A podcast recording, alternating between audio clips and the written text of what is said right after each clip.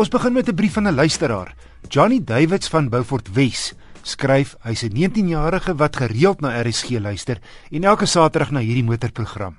Hy skryf hy sien gereeld voertuie op Amerikaanse TV-programme wat verskil van die wat ons hier in Suid-Afrika kry. Hy vra, "Hoe verskil die Amerikaanse motormark van ons in?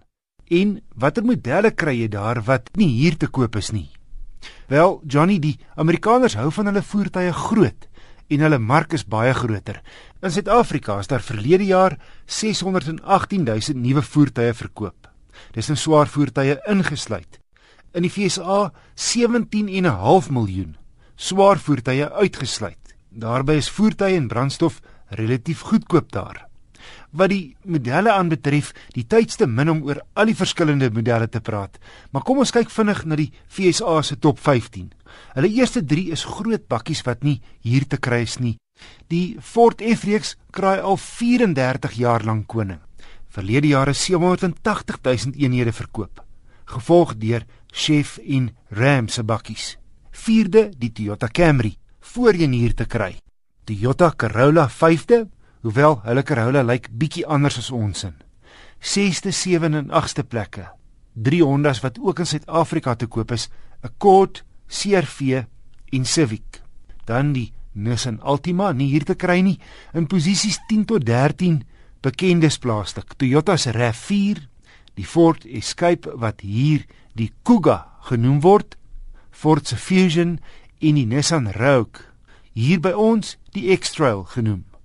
Dan 'n Chef Sportnuts wat ons nie hier kry nie en 15de die bekende Hyundai Elantra. Anders gestel, 9 van die FSA se top 15 is bekendes in Suid-Afrika. Rig gerus motornavraag aan my deur te e-pos na wissel@rsg.co.za.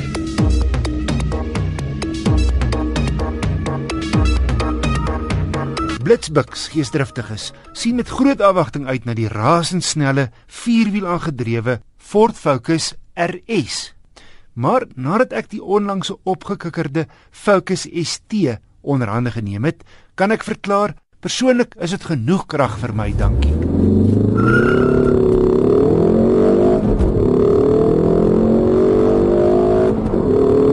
Wanneer jy vet gee, voel jy deur die stuur hoe die voorwiele spook om die krag op die pad neer te sit ondanks die elektroniese hulpmiddels.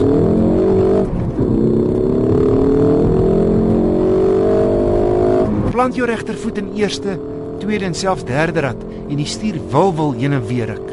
En dit gee die ST karakter. Jy weet jy sit nou in 'n sportmotor. Saam met 'n lieflike kort radaksie maak dit die bestuurder deel van die aksie en die pret. Met sy 184 kW 2 liter turbo hol hy van 0 na 100 in net 6 en 'n half sekondes.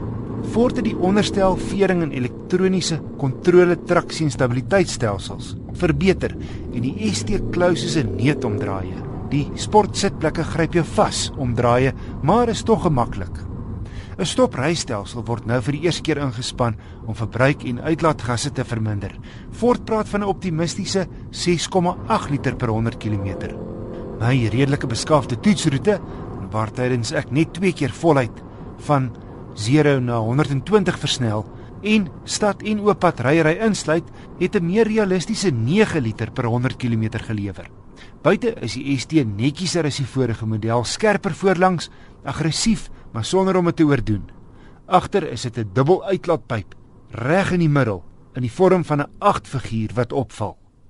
Binne 'n meer eenvoudige paneelbord met heelwat minder skakelaars. Om op te som, die ST is 'n meer sportgefokusde 5-deur warmluikerig as die Golf GTI.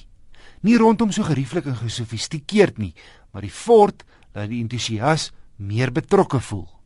Die ST1 kos 404000, die ST3 met bykomende luksus soos vir hitte en verstelbare leersitplekke 444000